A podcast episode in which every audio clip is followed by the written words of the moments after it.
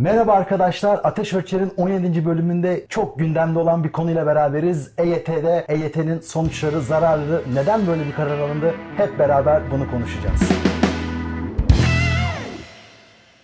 Ne haber Ömer? Hastayım. Hastasın. Aynen. Yatağımdan kalktım geldim. Sana emekçileri yedirmeyeceğim. Twitter'da hakaret ediyorsun bu insanlara.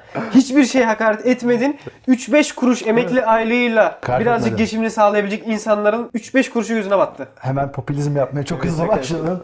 Sen bir konuyu anlat ya. Şimdi bir EYT'yi konuşalım. Geçen hafta Cumhurbaşkanı Erdoğan EYT'lere müjde verdi. 2,5-3 milyon arasında tahmin edilen insan yaş haddine bakılmaksızın emekli olma hakkı kazandı. Peki EYT neydi? Aslında 91 yılında Demirel hükümeti göreve geliyor. 92 yılında da verdiği sözü tutarak insanlara yaş haddi bakmaksızın emekli olma fırsatı veriyor. 5000 gün prim ödemesi yaparsanız kadınlarda 38, erkeklerde 43 yaşında emekli olma hakkını kazanmışlardı. Bu yasa 92 ile 99 arasında devam ediyor. 99'da Anasol M hükümeti işte Bülent Ecevit'in ve Bahçeli'nin beraber olduğu hükümet IMF görüşmeleriyle beraber bu yasa tasarısını kaldırıyor. Buradaki sorun da şuydu Ömer. Bu yasa tasarısı geriye doğru da işletilerek o an mesela emekli olabilecek olan insanlar veya iş piyasasına girmiş olup 38-43 yaşında emekli olabilecek insanlar içinde emeklilik yaşı kademeli olarak artırıldı. Bu insanlar 20 senedir neredeyse lobicilik yaparak haklarını istiyorlardı ve günün sonunda erken yaşta emekli olmaya hak kazandılar. Son bir bilgiyi vereyim. Şu an emekli olma yaşı bizim için 65. Kademeli olarak artıyor. Bu zamanda fakat yaş haddi yoktu. 40'lı yaşlarda 50 yaşlarda bir süre insan emekli oldu. Durum bu. Geçmişte.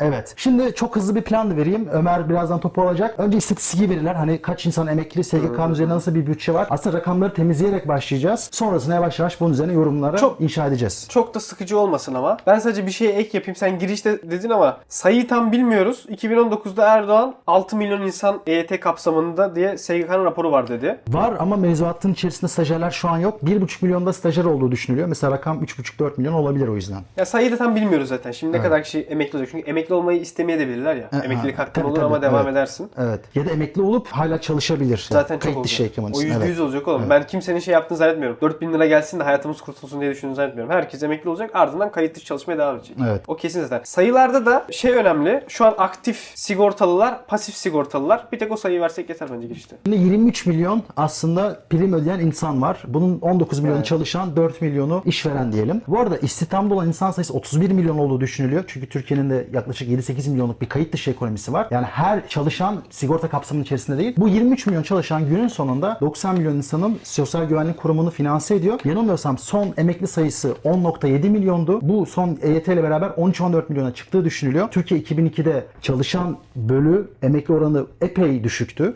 Bu zamanla biraz arttı. En son 1.8'e geldi. Fakat bu son şeyle beraber tekrar 1.4'e düşeceği düşünülüyor. Bu rakamın kritik olma sebebi şu. Genelde emeklilik sistemin devamı için 3 kritik rakamdır. Türkiye'de bu rakam 1.4 Ömer. En son ne zaman 3 olmuş? Hadi sana bir quiz. 1950'ler mi? Yok 80'lerde 3'müş. Zaten bu emeklilik meselesini araştırırsanız görürsünüz. Demirel, Türkiye'nin başına söyle. Bak Demirel hakikaten yani siyasi fayda için, siyasi rant için yapmayacağı yok. Adam Biraz her geldiğinde miyim? Abi her geldiğinde emekliliği düşünmüş. Ben bunu kim başka akıl etmiştir diye baktım. Dünyada Demirel'den başka akıl eden de yok. Ben Demirel'le Siyasete dünyaya Demirel'in hediyesi bu. Sürekli gelir gelmez bir anda böyle 60'larda olan emeklilik yaşını çat 38 42. Hani baba bari 50'ye düşür yine oyalırsın ya. Niye 42'ye düşürdün hemen bir bekleseydin. Sonra Demirel gidiyor. Yükseltiyorlar. Demirel bir daha yine çat. bir de şey gibi oldu Demirel için. Hani gidiyor, yükseltiyorlar. Gelmek için bir daha. Emekli düşürüyor. Düşürüyor. Bu şey var Zafer Partisi'nin Ümit Özdağ oy verme işte 14'e düşüreceğim gibi o tarz Demirel Sürekli düşürüyor. Aynen ya ben de antipatik bir karakter uyandırıyor Demirel. Yani dediğin gibi her şey yapıyor. Peki Demirel bunu yaptı. Şu rakamı biliyoruz. Türkiye'de emekli olma ortalama yaşı kaç Ömer? OECD'den bakmıştın. Şu an 52. 90'larda 42 43'lere 43 düşüyor. kadar düşüyor. Benim yani kendi anekdotal bildiklerim şu. Babam anlatır. 38, 39, 40 yaşında bir sürü emekli arkadaşı var. Türkiye'de emeklilik yaş ortalamasına baktık. Emekli olanların ortalama ömür beklentisine baktık. Türkiye'nin büyüyen yaş ortalamasına falan baktık ve bence bu kanunun 40 yaşında emekli olmanın elle tutulur hiçbir yanı yok. Ya dünyanın hiçbirinde yok. Hiçbir yerinde yok. Yani Amerika'da bu- da olmaz. Fakat şimdi hemen herkes kızmasın özellikle solcu arkadaşlar. İlerleyen kısımda bunun şeyini konuşacağız. Hani Türkiye'de zaten çalışma şartları çok uzun. İşverenler insanlara düşük primler veriyor falan. Onları konuşacağız ama hani 40 yaşında 50 yaşında da emekli olmaz. Bunu bence Ama kabullenmek solcular lazım. da herhalde şey demiyor. Yok abi 40 yaşında emekli olunur demiyor bence. Yani onların itirazları da başka bir şey gibi Evet onları konuşacağız. Yoksa hani şey tamamen bu EYT'yi gömeceğiz anlamında demedim. Bir de şu orana da bakmak lazım. 1970'lerde 60'larda bunu ilk akıl ettiği zaman Demirel ki ortalama yaş yaşam süresi ne kadardı? Şimdi ne kadar? O dönemde. Şu an Türkiye'nin ortalama yaşam süresi 78. Tabii. An Yani fazla. şimdi 55 yaşında emekli olan birinin neredeyse 25 sene emeklilik maaşı alacağı var. Şimdi burada şey gibi oluyor. İnsanların parasında gözüm var. İnsanların parasında bir Az gözüm parası. yok. Ama günün sonunda emeklilik de aslında bir sermaye. Orada bir birikim var. O birikimi insanlara dağıtım yapıyorsun. O para yoktan var olmuyor. Çalışanların onu finanse etmesi lazım. Orada aslında çalışanlar prim ödeyerek onu finanse ediyor. E baktığında bu sistem sürdürülemez. SGK raporunu okuduk. Her sene SGK milyarlarca dolar hazineden para çekiyor. Bak şimdi burada iki tane Heh, soru bilerek işareti var. attım. Bilerek attım. Bunu bil sana bilerek attım. Hayır yok. İlk soru işaretinde şu. Aslında sadece 20 yıl çalışan biri de emeklilik primlerini işte yılda %5 faiz getirisi olsa hesapladığın zaman işte 20 yıl 25 yıllık emekli aylığına denk bir para oluyormuş. Tamam. Ya aslında şöyle bir şey de değil hani yani bu ortada hiç bunların emek verip ortaya yarattıkları bir para yok da sanki başka birileri bunu finanse ediyormuş gibi bir algı oluyor ya. O kadar da değil canım. Bu adamlar 20-25 yıl çalışmışlar. Kendi primleri zaten ciddi bir meblağ da olmuş. Bir de şu da var EYT uzun süre çıkmadı ya. Aslında şu an zaten en genç emekli olan kaç olabiliyor? Öyle oluyor. 38 falan 43, olmayacak ama Aynen 43 olacak. 43 44 Aynen. olacak. En düşük 43-44 falan olacak. Şimdi ben SGK raporunu inceledim. Türkiye'de SGK Sosyal Güvenlik Kurumu'nun bilançosu çökmüş durumda. Yani ortada Çökmüş bir durumda. bilanço Doğru. yok yani. Ama şeyden emin değilim işte bak onu ben tam bulamadım. OECD'de nasıl bu? Yani zaten ne kadar sosyal hazineden çekiliyor. Ama önce bir rakamı verelim. Ne kadar hazineden çekiliyor? Sosyal Güvenlik Kurumu her sene gayri safi yurt içi hasılanın %5'i kadar para çekiyor hazineden. son 10-15 yıldır genelde bu 30 milyar dolara denk geliyor. Ve 95'te şöyle bir tahminleri var. 2010'lara doğru biz bunu sıfırlayacağız diye. Hiçbir zaman da yapılmayan bir şey olamıyor. Çünkü bir, insanlar prim ödemiyor. SGK'ya kayıtlı olan insan sayısı az. Olanların birçoğu primlerini düzgün ödemiyor. Özellikle 4B'ler yani. Çoğu ödemiyor değil. Onu öyle demeyelim de sıkıntı aktif pasif oranı zaten çok problemli abi. Bu aktif pasif oranına göre yine az açık veriyoruz ben sana söyleyeyim. 1.70 ne abi? Şey yani 1.70 nedir yani? Toplam işte 23 milyon sigortalı var. Bu 23 milyon sigortalı aslında aktif pasif oranı da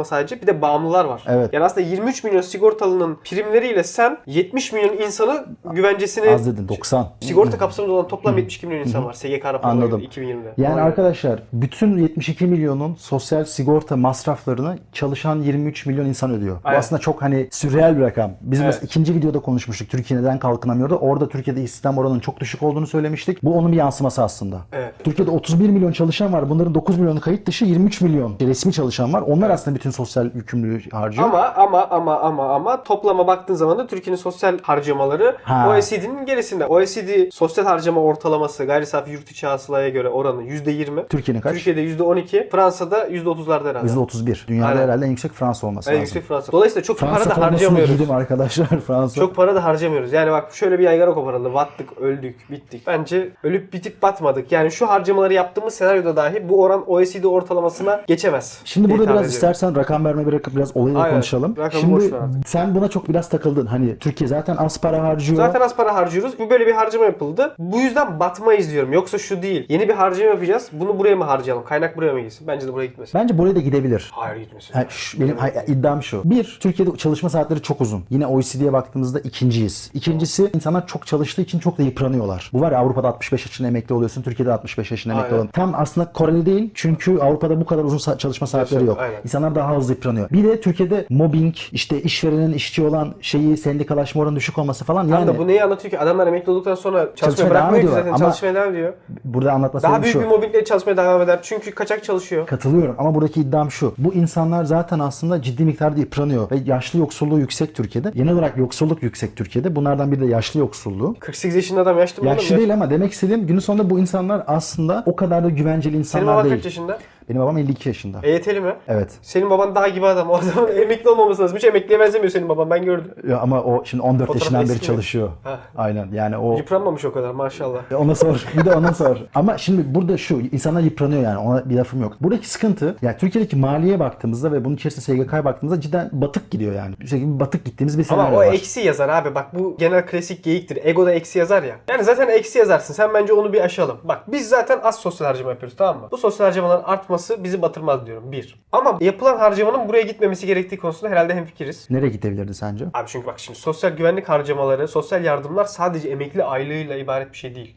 Bunun işsizlik maaşı var, aile, aile, özür destekleri var, Engelliler var. engelliler var. Gençlere verilenler var. Daha fazla burs olabilir. Tabii şimdi Türkiye'de o sosyal yardımların kompozisyonuna baktığımız zaman şunu görüyoruz. Türkiye OECD ortalamasını bir tek oransal olarak emekli aylığında yakalıyor. Aynen, yani aynen. emekli aylığının gayri safi yurt içi hasılaya oranı. Emekli aylığı aylığına ödenen paranın. Ama onun dışında aileye verilen destek, işsizlik destekleri gibi şeylerde biz OECD ortalamaların daha da geri, gerisindeyiz. bu arada onun bence iki sebebi var. Birincisi Türkiye hızlı yaşlanıyor. 2000'de yaş ortancamız 25. Bu şu an 34 olmuş. Yaşlı nüfusuna baktığımızda ise 2000'lerde 4.3 milyon yaşlımız var. Şu an 7.2 milyon yaşımız var. Yani yaşlı sayımız arttığı için de emekliye verdiğimiz para artıyor olabilir. Üçüncü olarak da bir ezber bozayım. Söyle. Dünyanın en iyi emeklileri Türkiye'de kardeşim. Bak nasıl şaşırdınız. OECD rakamlarına göre söylüyorum. Söyle abi. Biliyor musun onu gördün mü? Çok ilginç bir şey. Yok. Burada replacement rate dedikleri bir şey var. Denk gelmiş miydin? İkame oranı. Şuna bakıyor. Emekli olduğun andaki maaşın ne?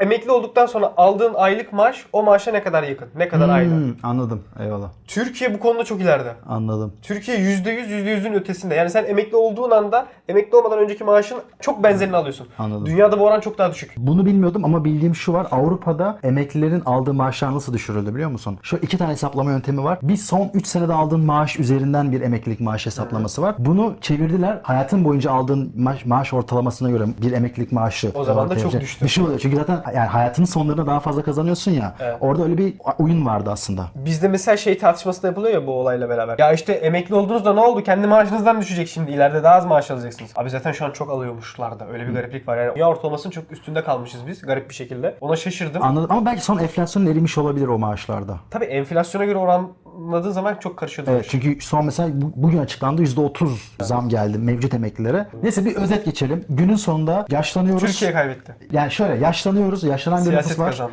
Ortalama yaşam beklentisi uzuyor. Buna rağmen bu kadar düşük. Batmayız, batmayız abi. Batmayız bu, değil ama- Bu da şey gibi bizim Türkiye futbolunda da oluyor. Galatasaray transfer yapıyor, battınız. Batmıyor kardeşim. 20 yıldır da yapıyor, batmıyor. Hayır, Türkiye'deki bu harcamalarda biz batmayız. Ben size söyleyeyim KKM'nin yükü daha bile ağır olabilir. Şimdi ikisine aynı anda karşı çıkabilirsin. Bir de bak ben kardeşim KKM'ye bak. de karşı çıkabilirsin. Buna da karşı Bu çıkabilirsin. parayı da şöyle düşünüyorlar. Parayı verdik. harcama ee, yapacaklar insanlar. E tabii canım pa- parayı alıp adam şey yapacak hali yok. Saklayacak hali yok. Harcamaya gidecek yani. Aslında yine genişleyici Ha, para politikası güzel bir noktaya değindin. Şimdi buradan şuna gelelim. Güzel. Piyasaya güzel. para sokuyorsun. İnsanlar o parayı Buna- harcayacaklar. buna- o da yine ekonomiye Buna bir itirazım şu, iki tane itirazım var. Bu argümanı İki çok olur. gördüm. Ama günün sonunda o sermaye birikimi kimin üzerinden oluyor? Zaten Türkiye'de vergiyi çalışan kesim üzerinden topluyorsun. O da zaten demin söyledik 23 milyon insan var. Gençler üzerinden topluyorsun. Genç çalışanlar üzerinden topluyorsun. Aslında yaptığın şey yukarıdan aşağı bir geri dağıtım değil. Yatay bir geri dağıtım yapıyorsun. Yani aynı sosyal gruplar içerisinden birinden alıp yaşlılara veya işte orta üst yaşlı, yaşlılara veriyorsun. O yüzden ben aslında bizim için o kadar mantıklı olduğunu düşünmüyorum. Ya da gençler için ya da 30-35 yaşındaki Gençler için hiçbir çalışanlar. mantığı yok ya. Hani sen diyorsun ya bu parayı harcama yapacak. Ama zaten senin paran cebinden çıktı. Yok yok yok ben şöyle düzelteyim. Gençler için hiçbir mantığı yok. Jenerasyonel adalete de çok aykırı bir şeydir. Mantığa da çok aykırı bir şeydir. Bunlar zaten doğru. Ben size şunu diyorum. Şöyle bir anlatı var ya. Para verildi, para yok oldu. Ya o para zaten yine ekonomiye dönecek ve ekonomi canlandırıcı bir etki yaratacaktır. Onu Tamam da ekonomi canlandırıcı etki yapacak da senin cebinden çıkarak ekonomide bir canlandırıcı etki yapacak. Sen hani bizim gibi sosyal grup benim 10-15 milyon insan düşünün. Onlar çalışıyor ve gençler. Onların cebinden çıkarak genel ekonomiye faydalı olacak. Ama E, Bizim cebinden çıkacak zaten.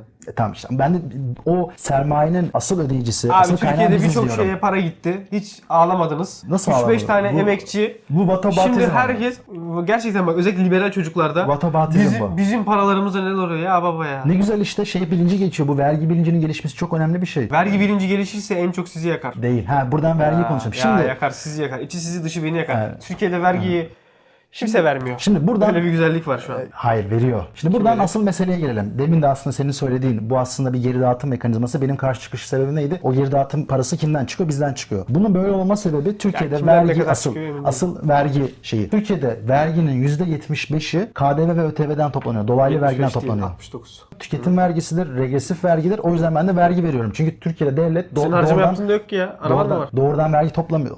Türkiye'de aldığın her şey, aldığın her hizmet, aldığın her ürün, yediğin her gıda vergili. Zaten o vergiyi tüketenler oluşturuyor. Ve tüketenler arasındaki gelir farkına bakmadığı için çünkü hani dolaylı bir vergi koymuş. Her bütün ürünlerdeki vergi oranı sabit. O yüzden regresif bir vergi. Dolayısıyla aslında vergi buradan toplanıyorsa yaptığın geri dağıtım mekanizması da progresif dağıtım olmuyor. Evet. Yani Bu- dünyada evet. çoğu yerde bu sorun var ama. Benim ilk itirazım bu. İkinci itirazım yine gençler üzerinden. Bir de bak onu da bak acite etme. Orada da yine bazı detaylar var. Yani orada da yine bir aslında adaleti sağlayan denge mekanizmaları var. Mesela sen Mercedes almaya kalktığın zaman Daha iki katı vergi veriyor. Yani bir Mercedes alıp iki Mercedes'e de vergi veriyorsun. Megane almaya kalksan bir Megane alıp bir Megane vergi veriyorsun. Lüks tüketime çok çok çok ekstra vergi alıyor. Yine orada yani o kadar da adaletsiz değil. Yani orada bir adalet sağlanmaya çalışılıyor ama bu bahsettiğin vergi problemi ciddi bir problemdir. Ama ben şundan emin değilim. Uzman da değilim zaten konunun. Bu problem ekonominin halihazırda daha büyük yapısal sorunlarını çözemediği için mi ortada? Anladın mı? Yoksa, Yoksa o yapısal problemin kaynağı mı? Aynen. Yok bence de ben Anladım de emin değilim ama Çünkü- biraz beyin fırtınası yapalım diye bu konuyu açtım. Ya çünkü bakıyorsun bizim gibi vergi kompozisyonunda dolaylı vergilerin daha yüksek olduğu ülkelere gelişmekte olan ülkeler. Almanya falan böyle değil, Fransa böyle değil. Ben diyorum ki bizim ülkemizde sen esnafı çok ciddi vergilendirirsen, şirketleri çok ciddi vergilendirirsen bunlar yaşayamazlar. Üstüne kayıt dışının da ben Türkiye'de mücadele edilmek istenen bir şey olduğunu zannetmiyorum. Çünkü alternatif bir iş yaratma modeli. Evet yani o da zaten göz yumuluyor. Çünkü neden? Yine aynı şekilde sermayedarlar daha düşük maliyetlerle işi çalıştırabilsin diye. Yani aslında bizim ekonomimiz çok gelişmiş, zengin bir ekonomi olmadığı için ekonomiyi canlandıracak, ekonomiye böyle büyümesine yönelik bir itki yaratacak bu tarz yan yollara gidiyoruz bence. Bence Yani Türkiye'de sence vergi toplamak istese toplanamaz mı? Toplanabilir.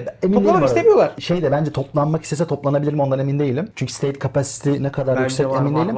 Bir de- Türkiye, Türkiye büyük devlet Evet, kardeşim her şey yapar. Ama Şundan- bilerek yapıyorlar bunu. Şu, ben şununla kesinlikle Bu haklıyım. bir Bence strateji diyorum ben. konunun özüne geldik bence. Stratejim emin değilim. Hani direkt doğrudan sonuç bu da olabilir. Hani Sen yapamıyorlar diyorsun. Ben yapamıyorlar da strateji olabilir. diyorum. Hayır, ikisinin arasında bir şey muhtemelen. Hani Abi yapamıyorlar, denediler de e, dene, önce bir denersin. yapamazsın. 90'larda 90'larda ver- vergi reformları var ama o tutmuyor bir şekilde. Sence o hükümetler yapabilir mi?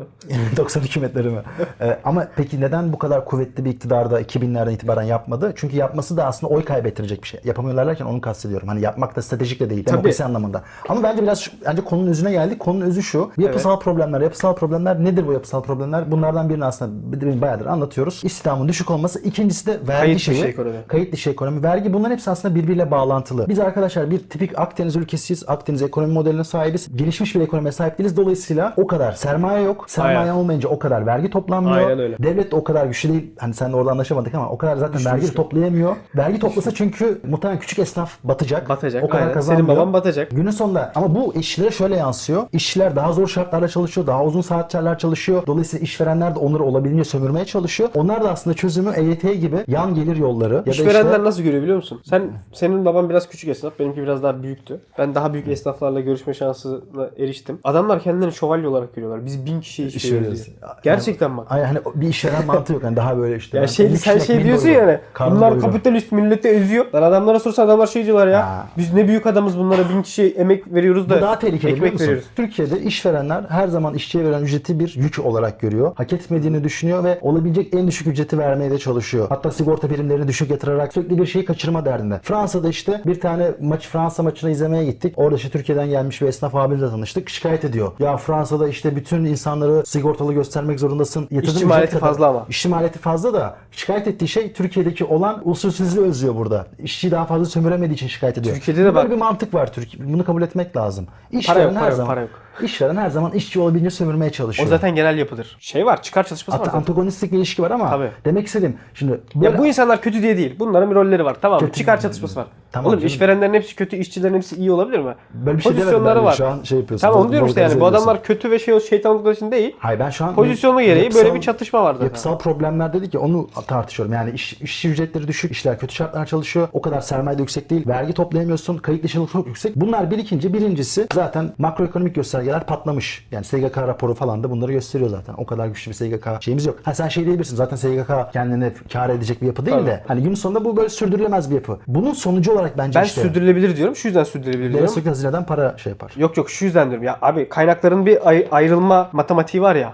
Ya Bir tercih yapacağız. Kaynakları nereye ayıracağız? Türkiye devleti OECD ülkelerine göre çok daha az sosyal harcama yapıyor. Demek ki kaynaklarını çok daha az buraya harcıyor. O zaman burada bir alan var diyorum. Harcayabilir, koyabilir, buraya yönlendirebilir. Başka bir yerden alır buraya yönlendirir. Buraya yönlendirmek çok hatalı değil bence.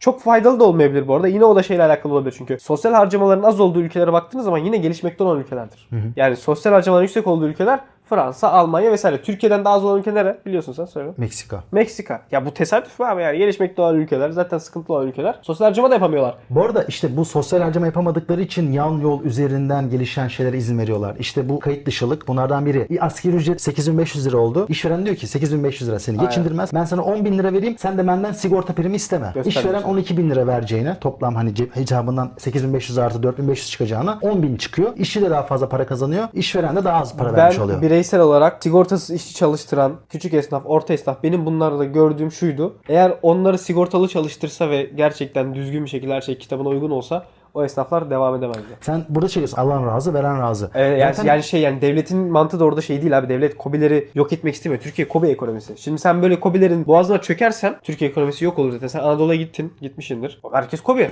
Kobi demek küçük esnaf yani. Küçük esnaf yani. Herkes küçük esnaf. Ama bu arada ben- İnanılmaz canlı bir küçük esnaf popülasyonu var. Şimdi sen onların Küçük üstüne... esnafla şeyi kobiyle şunu ayırmak lazım. Bir büyüyen kobiler var. Hani mesela 30-40 Mesela, kişi. evet. Sen şunu da dahil ediyorsun muhtemelen. Atıyorum işte tek kişi çalışan büfe, Tabii iki kişi çalışan terzi. Aynen, aynen. hepsine kobinin içerisine giriyorsun. Aynen, Çünkü aynen. kobi deyince şey gibi oldu son bence 10 yıldır. Daha böyle büyüme potansiyeli olan şirketler gibi de anlaşılıyor bir yerden. Sen aslında küçük esnafı da Küçük dahil ediyorsun. esnafı diyorum ben esas. Dediğini anlıyorum ama bunları anlatma Çoğunluk onlar değil mi? Çoğunluk onlar. Bunu anlatma sebebim şu. Ortada aslında Türkiye ekonomisini yapısal belli noktaları var. Evet. O yüzden bu problemler yaşıyoruz. Yani kayıt dışılık da o yüzden insanlar erken yıprandığı ve ilerleyen yaşlarda çok para kazanamadığı için bu yan yoldan gelir üretme modeli oluşturmuşlar. Ya Türkiye'de şey mi diyorsun? Emeklilik için mi Aynen. diyorsun? Türkiye'de şöyle bir durum var. Hepimiz aynı toplumda yaşıyoruz. Bu toplumda kim kimi bulursa böyle bir toplum. Yani herkes tuttuğunu koparmaya çalışıyor. Dolayısıyla bir şey hakkaniyetli mi? Topluma faydası var mı? Veya uzun vadeli etkileri ne olacak? Umursamıyor. Niye Her peki? çıkar grubu kendisi ben bir yerden ne kadar imtiyaz alabiliyorsam onun peşine. Dolayısıyla burada da 20 yıl boyunca hakkımız yendi, hakkımız yendi diye ağlanılan şey bir hak değil, bir imtiyazdı Yazdı. aslında. Aynen. İmtiyazı bize veriyorlardı, vermediler. Niye vermediniz? Bize imtiyaz verin. Herkes kendi imtiyazının peşinde olduğu için de böyle garip Bu bir şey bu, oluyor. bu da şöyle bir tartışma oldu. Bu bize verilmiş bir haktı. Devlet sözleşmesinden döndü. Ben hiç öyle düşünmüyorum.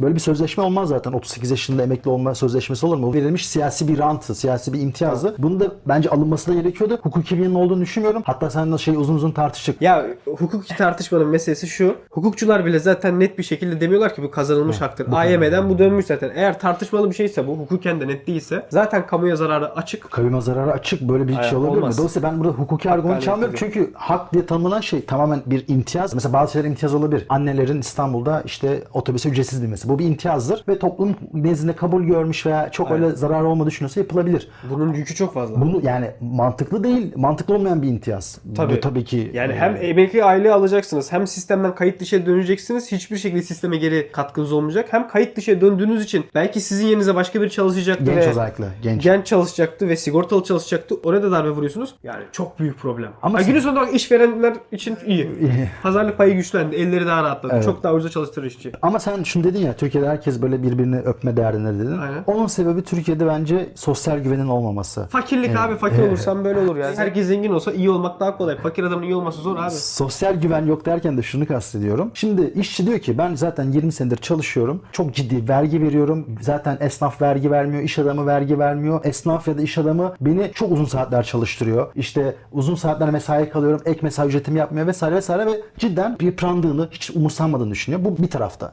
İkinci tarafta esnaf ne düşünüyor? Ya ben vergi vermiyorum. Yan komşu da vermiyor. Ben versem o benden daha fazla kar kazanacak. Ben enayi miyim? Buranın enayisi ben miyim? Tabii. Trafik cezasını ödemiyorsun. Niye ödemiyorsun? Seneye af çıkar. Bu koronada yasaklar oldu ödemiyorsun. Niye ödemiyorsun? Çünkü seneye başka bir hükümet gelir. Bunun afını çıkartır. Sürekli bir yapılandırma ve topluma bir güven yok. Çünkü bir kural uygulanmıyor. Kural uygu- ya hukukta bir hukuk problem var. uygulanmadığı Hukuki için- normlar sürekli değişiyor. İnsanın, bireyin kamuya bir güveni yok ve herkesin birbirine bir state of nature derler ya. Kurallara saygısı Aynen, or- orman kanunları var. O yüzden gruplarda full kendi çıkarının peşinde. Şimdi EYT'lilere ben kızıyorum ama bir yandan da şimdi bana bir sürü insan tepki gösterdi. İşte ben 15 yaşından beri çalışıyorum kardeşim. Elde soğuklarım şöyle oldu. Patron bana şunu yaptı. Tabii ki emeklilik benim hakkımdır. Şimdi o adamı 18 yaşında iş şartlarını düzenlemezsen, onu bu kadar yıpranmasına izin verirsen o da zaten tip sistem beni umursamıyor. Ben niye sizi O umursuyorum der. sistemi umursamaz tabii canım. evet. Ama esnaf ne diyor? Ben de Abi bireyler diyor. zaten bunu umursamaz. Burada devlet herkese eşit ve sert davranacak. Öyle olacak. Kimse zaten isteyerek vergi vermez ya. İsteyerek vergi veren gördün mü sen ya? Vermez. Ben görmedim abi. Ama bak bu sosyal güveni Bizim buradakiler işte. de vermek istemiyor vergi. E, vermek istemiyor aynen. Kimse vergi vermek istemiyor. Ben o yüzden sana diyorum bak bu dolaylı vergilerin öyle bir güzelliği var. O kadar da isyan etmiyorsun.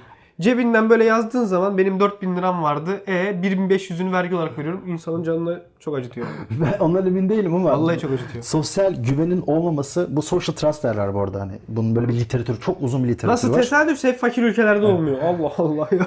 Ya, korelasyon şimdi hangisi ilk sebep onu bilmiyoruz ama muhtemelen zenginlik olunca social trust da gelişiyor olabilir ama mesela Brezilya da zengin bir ülke aslında şey anlamda. 7. veya 8. değil mi GDP açısından? Brezilya'da acayip bir eşitsizlik, var. Eşitsizlik Şimdi varsa hiç zenginlik doğrudan bence Social Trust'ın en önemli kriteri bu arada İskandinav ülkelerinin çok yüksek olmasının sebebi de odur. Eşitlik, Eşitlik. ve zenginlik. Eşitlik. Ya sadece refah değil. Amerika da çok zengin ama o kadar social trust'ın olduğu Tabii, bir yer tabii. değil. Yani eşitlik o yok Türkiye'de. Ama herkes Fakirlik fakir ve var. eşitse ne olacak? Zaman şey, çok mu güveniyorsun?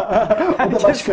O da Güven başka. olmaz oğlum, Yani- olmaz. Ama demek istediğim bak bu social trust meselesini ben şey yapıyorum. Yani topluma ve devlete güven olmayınca o kuralları uygulamak Ba- istemiyorsun. Batı'da topluma güven mi var yoksa topluma güvensizlik mi var? Düşün bir. Abi herkes bireyselci olursa tamam mı? Kimsenin cemaati olmazsa, cemaatler kayrılmazsa, cemaat dediğimde bunları grup olarak düşünebilirsin. Siyasi grup olabilir. Vay Karadenizliler olabilir, Trabzonlular olabilir. Herkes atomize olsa hiç kimseye güvenemeyiz. Kimseye güvenemezsek ne olur? O Ben- zaman herkes kurallara uymak zorunda olur. Bizim problemimiz zaten herkes kendi cemaatini kolluyor. Her şey bir şekilde halloluyor. Güzel Anladın mı bastın. Ziya Ünüş'ün makalesini okumuştum. O bounded communities diye bir şey anlatıyordu. Sosyolojiden bir terim almış. Türkiye'de kendi çıkarını düşünen gruplar var ve o gruplar kendi çıkarını gerçekleştirmek için toplum zarar görüyormuş, Hiç görmemiş, umursamaz. hiç umursamadan bunu yaparlar. Aynen. Hemşire dernekleri bunun bir Aynen örneğidir. canım. EYT bu arada topluma zarar veriyor ama kendi çıkarını düşünüyor. Esnaflar da öyledir. EYT bu arada niye şey yapmıyorsun? Müthiş bir sosyal harekettir, Doğru. müthiş bir politik harekettir. Senin bana geçen videoda anlattığının Türkiye'deki en iyi örneği EYT'dir. Doğru, Başka örneği de çok yoktur. Katılıyorum. EYT nasıl başarılı olmuştur? Siyaset üstü olarak olmuştur. Siyaset yaparsanız başarılı olma ihtimaliniz daha zordur. Çünkü sizi yaftalarlar, bir şey yaparlar, çok daha rahat bastırırlar. EYT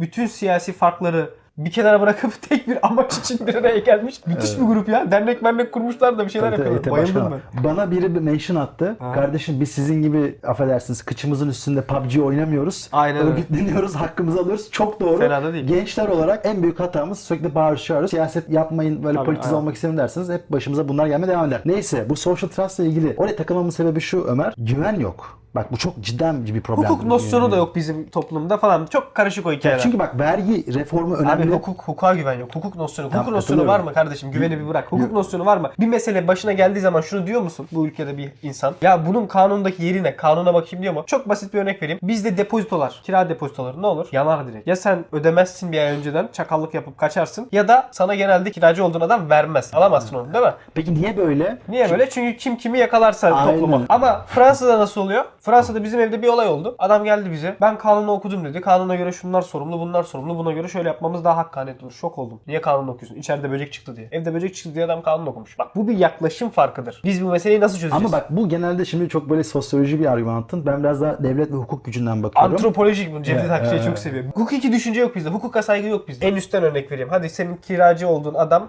cahil olsun. Ben bunu Boğaziçi'nde yaşadım. Boğaziçi'nde ders seçeceğiz. Ben dedim ki ben bu dersi almayacağım kardeşim. İkinci sınıf mıyım, üçüncü sınıf mıyım, neyim? Hangi ders? Ders seçin boş ver. Koray Çalışkan dersiydi. Ben bunu almayayım dedim. Tamam mı? Bana asistan diyor ki sen bunu almak zorundasın. Kardeşim dedim ben yönetmeliğe baktım. Burada almayabileceğim yazıyor. Biz bölüm olarak öyle yapmıyoruz. Ulan siz kimsiniz? Sizin bağlı olduğunuz bir mevzuat var. Yönetmelik var. Adama diyorum ki bak kardeşim mevzuatta bu yazıyor. Biz öyle yapmıyoruz bilmiyorum. Böyle bir şey olur mu ya? Boğaziçi böyleydi işte. Yok. Hiç kimse de yok yani hukuk nosyonu. Kimsenin umurunda değil. Ama onun sebebi insanların hukuk nosyonu geliştirmesi değil de bence devlet o hukuku uygulatırsa zaten Tabii, o da geliştirir. zorunda Tabii, olur. aynen. Ama bu hani günün sonunda social trust'a tek başına sebep olmayabilir. Demin anlattığımız hani fakirlik Fakirlik de. ya Akdeniz tipi ülke olmak da Akdeniz bu arada şey değil o rahatsız falan değil. Böyle bir ekonomi terimi var bu arada. Hani batı tipi ekonomi Sanki modeller. şeye de ilişkili ama. Sıcak hava falan biraz şey yapıyor. Buna da argümanlar var da bilmiyorum. Biraz hani onunla da ilişkili. Bütün bunlar aslında birbiriyle bağlantılı. Bak Meksika'ya bak kayıt dışılık var. Aynen. Sosyal harcamalar düşük. Aynen. Kamu muhalesi patlamış durumda zaten. Aynen. Topluma güven düşük. E, Türkiye'ye bakıyorsun benzer sorunlar. Yani bu aynen. problemler birbiriyle ilişkili aslında. Zaten OECD, OECD verilerine bakın. Türkiye'nin rakipleri Şili, Kolombiya, Costa Rica, Meksika. Biz fakiriz kardeş. Birçok sorunun sebebi bu. Seni solcu olmaya davet ediyorum Yaşar. Yo ben sol bak Ekonomi, it's economy stupid. Oraya bak. Bak ben zaten bu meseleye geri dağıtım açısından karşı çıkmamın sebebi de demin söylediğim. Zaten şu oluyor. Gençler olarak jenerasyonel bir dönüşüm yapıyoruz. Keşke doğrudan vergilendirme sistemi olsa da biz şirketlerden ya da bireylerin varlıklarından vergilendirme alsak da Daha öyle olsa, evet. e, bir geri dağıtım mekanizması oluştursak. Ama ben oraya bak şerhi koyuyorum hala. Vergi vermeyi kimse sevmez ve o doğrudan vergiler gelir vergileri üzerinden çok artacaktır. O zaman da bizim ortasını yine ağlayabilir gibi geliyor bana. Ama şöyle olacak bence. Şu an bir iPhone alınca veya bir araba alınca çok ciddi ötebe Çok ödüyorsun ciddi zaten. O azalacak. Aynen. Dolayısıyla insanlar şeyi edebilir. Fark, fark edebilir. Yani tamam ben vergi veriyorum ama aldığım tüketim ürünleri daha ucuzladı. Bu arada bu ÖTV de bilerek yapılıyor. İthalat rejimi patlamasın diye. Tabii canım ya kardeşim ha Türkiye'nin yapısal sorunları düşün. Türkiye'nin en büyük yapısal sorunlarından biri Türkiye'nin dış ticaret dengesinin olmaması, tüketimin aşırı fazla olması. Lan bir araba alıyorsun, iki araba devlet alıyorsun, ona rağmen arabalar yok satıyor. Demek ki bu olmasa ne olacak ya? Ama ha- ben hala doğrudan vergilendirmenin kesin gelmesi gerektiğini düşünüyorum. 90'larda bu çok konuşuluyor. Tabii adil değil bu olmuyor. sistem, o kesin Çünkü canım. demin baktım ya Türkiye'de verginin %5'i sadece bağkurlardan geliyor. Yani 4B işverenlerden geliyor. %95'i ücretli çalışanlardan geliyor. Bu çok ciddi bir Fark. Bak ben bu arada bu tartışmanın çıkması niye sevindim biliyor musun? Sonunda gerçek siyaset konuştuk Sen ya. ama bak bağ kurup kanka bak bağ kur Bağkur'dan dediğin adam işveren senin ya. babam benim babam bizim babalarımızın vergi verecek hali mi var ya? Elini vicdanına koy ya. Babam vergi verecek hali yok adamlar? ama hani 50 kişilik işverenden bahsediyorum. Yani tamam benim babam olsa ben söyleyeceğim veremez. yani, verebilseler Benimki, benimki de veremez ama hani rakamlara bakınca da işverenin %5'lik vergi gelirini sırtlaması da adil Saçma, değil yani. evet. Ben bu arada bu konunun konuşulmasına sevindim. Günün sonunda mantıklı ve gerçek sorunlarımızı konuştuk ya. Ama yani ba- baktığın zaman da çok fazla yapısal sorun var. Hani nereden tutacaksın bir de hangisi hangisini seviyor onları tespit etmek de çok zor. Mesela Ya başlangıç neresi mesela? Nereyi düzelsek toparlayacak anladın mı? Doğru soru ama bana ilk şey biraz güven gibi geliyor. Yani bak bu tarz şeyler yine oraya geldik ama şöyle Oğlum bunlar hiç birbirine güvenmiyor. Sokakta biri ölse sırtını dönüp geçerler ne güveni güvenden ya. kastım şunu da diyebilirsin. Öngörülebilirlik. Türkiye'de öngörülebilirlik hukuk, yok. Hukuk hukuk desen Yani- onu değiştir şöyle öngörülebilirlik yok. Ben bugün vergimi veya cezamı ödemiyorum. Çünkü iptal olabilir. Ben bugün esnaf olarak Hukuk. Ben buna şey hukuk diyorum. ödemiyorum. Aynen, Niye hukuk. ödemiyorum? Çünkü senin yan komşun Kimse ödemiyor. Aynen, Ödemezse aynen. ben ödersem batarım. Enayi olursun. E, enayi olmak bak emniyet şeridinden gidersin. Niye? Çünkü başkası da gidiyor. Şu an sana çok garip bir şey söyleyeceğim. Türkiye'de 12 milyon ek- asgari ücretli, üzerine 13 milyon emekli, üzerine 7-8 milyon yaşlı bakım ücreti alan insanlar, neredeyse 35-40 milyon insan siyasete doğrudan bağımlı. Siyasi liderlerin iki ağzından çıkan ücretle yaşıyorlar. İşte Cumhurbaşkanı diyor ki asgari ücret şu oldu, emekli ailelerine şu kadar zam yaptık, yaşlı bakım ücreti şu kadar oldu. Dolayısıyla acayip bir oy potansiyeli de var orada. Ben de burada orantı hep olacak. Yani çok Avrupa'da yok normal mu? bir şey. Ben merak ediyorum. Bir tane birine mail atalım ya. Mölenşon'a hatta fikir verelim biz. Diyelim ki abi emeklilik yaşını 50'ye düşürüyorum de. Kimsenin aklına gelmiyor? Bir tek Demir'in aklına gelmiş bu. Bilmiyorum. Evet. Bu hakikaten günün sonunda şeye bağlanıyor galiba bu yani. Bazı mesela Avrupa'da veya başka yerlerde yöneticiler daha Makul. bilge ve makul ve daha işte rasyonel herhalde karar alma eğiliminde mi oluyor? Yani kim engeller abi mesela burada siyasette bir tane popülistin çıkıp şey demesini? 50 yapacağım emekli. Yapsın 4 yıl sonra zaten on, ondan sonrası tufan 4 yıl kalır 4 yıl sonra kim gelirse gelsin. Bunu Bir, bir düşündürttü beni. Bir. Değil mi? Bunu niye yapamıyorlar? Bunu bir, bunu bir mail atalım biz buradakilere. 50 Ama sanırım böyle bir şey yaparsan insanlar senin deli saçması fikirler savunduğunu düşünüp iyice kredini düşebilir. Hani öyle bir ters şey de Burada olabilir. en fazla yapabildiğim bu konuda işte Macron 65'e çıkartmak istiyor. Hayır işte 60'a 60'ta insin. kalması lazım. Aynen. Hayır bak bir de Macron'un yapmaya çalıştığına bak ya. Macron zaten halk desteği zayıf bir adam. Diyor ki umurumda değil kardeşim bu ülke ilerleyecekse size rağmen ilerleyecek 65 yaş. Aynen. Çok garip. Türkiye'de hiç düşünülemeyecek bir Ve şey. vazgeçmedi yani. Vazgeçmedi. Çünkü- sonuna kadar gitti. Sonuna kadar gidiyor. Türkiye'de bütün siyasi liderler buna evet dedi. Doğru Tabii dedi. canım. Yani EYT'ye herkes okey. Yani bana şok yani. Hani bir babacan biraz işte yani jenerasyonel daha iyi olur, dönüşüm falan gibi şey dedi. Ya sorunların şöyle bir problemi var. Sen seversin. Pet dependency. Yani biz bir yola girdikten sonra mesela bu vergi kompozisyonu problemli. Ya o yoldan çıkmak çok zor oluyor. Yıllar gerektiriyor ve o yıllarda da bir be- bedel ödenmesi gerekiyor. Aynen. O bedeli ödemeye de kimsenin isteği yok. Güven argümanına şöyle tekrar geliyorum. Bedel ödenecek. Kimse ödemek istemiyor. Çünkü şunu düşünüyorsun. Ben ödersem ya o ödemezse gibi düşünüyorsun. Bir, iki bir de gerçekten bunlar yapısal problemlerin şöyle bir şeyi var. Yapısal problemler aslında zor problemlerdir. Görülmesi de zordur. Tam olarak nerede başlıyor? Bana kalırsa EYT'nin sıkıntılarından biri şuydu. Ben şeyi görmüyor muyum? Hani bu insanlar düşük ücretle çalışıyor, çok yıpranıyorlar ya da ya- Türkiye'de yaşlı yoksulluğu düşük. Doğru. Ama çözümler genelde siyaseten çözüm değil gerçek bir çözüm olmuyor. Palyatif çözümler oluyor. Mesela burada asıl odaklanmamız gereken şey belki kayıt dışılık olması gerekiyordu. Aynen. Kadın istihdamının arttırılması gerekiyor olurdu. Ben şuna bile okeyim. Evrensel temel, temel gelir vergisine bile okeyim Türkiye'de. Çünkü dediğin gibi sosyal harcamalar çok düşük. %12. Bu arada şu da olabilir bak. Yine dedikleri şey doğru olabilir. Bu EYT nedeniyle emekli primlerinde bir düşüş olabilir. Hesaplamalar değişebilir. Yani yine ileride daha az duruma gelebilirler. Evet, Olabilir. Bu arada şimdiden var olan emeklilere %30 geldi mesela. Enflasyon çok altına Çünkü geldi. önceden o senin anlattığın SGK bütçesine göre SGK'nın topladığı primlerle emekli aylıkları denkti. Yani o onu ödeyebiliyordu. Sağlık harcamaları ekstra oluyordu. O bütçe bütçe dediğim bütçe yardımı 30 milyar dolar aslında sağlığa harcanan para. Hı hı. Sanırım ben yine siyasi elitlere biraz suç bulacağım. Burada bir sorun var ama Tabii canım, bunu siyaset. bunu şeyle çözmek yerine bahsettiğimiz yapısal problemleri yani bunu biz görüyoruz onlar görmüyor mu? Onlar da biliyor. Onların bir sürü bürokratı var, Tabii devletin canım. raporları var. Biliyorlar. Maliyetler o kadar fazla ki genelde yapamıyorsun. Çoğu Yapamıyorsun değil ama bence top- en güçlü lider de yapamıyor. En güçlü iktidar da yapamıyor. Şöyle, Birileri engel çıkardı. 20 sene boyunca böyle birikmiş bir enerji var EYT tarafından. Bu topluma anlatılabilirdi. Ya bakın gerçek problem burada değil. Başka şeyler var. Hani istihdam istihdama dair, cinsiyet eşitsizliğine dair, ne bileyim SGK'nın mali yapılandırılmasına dair bunlar konuşulmuyor. O için palyatif çözümler, ona para verelim. Buna, buna İyi dönüyor. yönünden bak ama 20 yıl oyalandılar.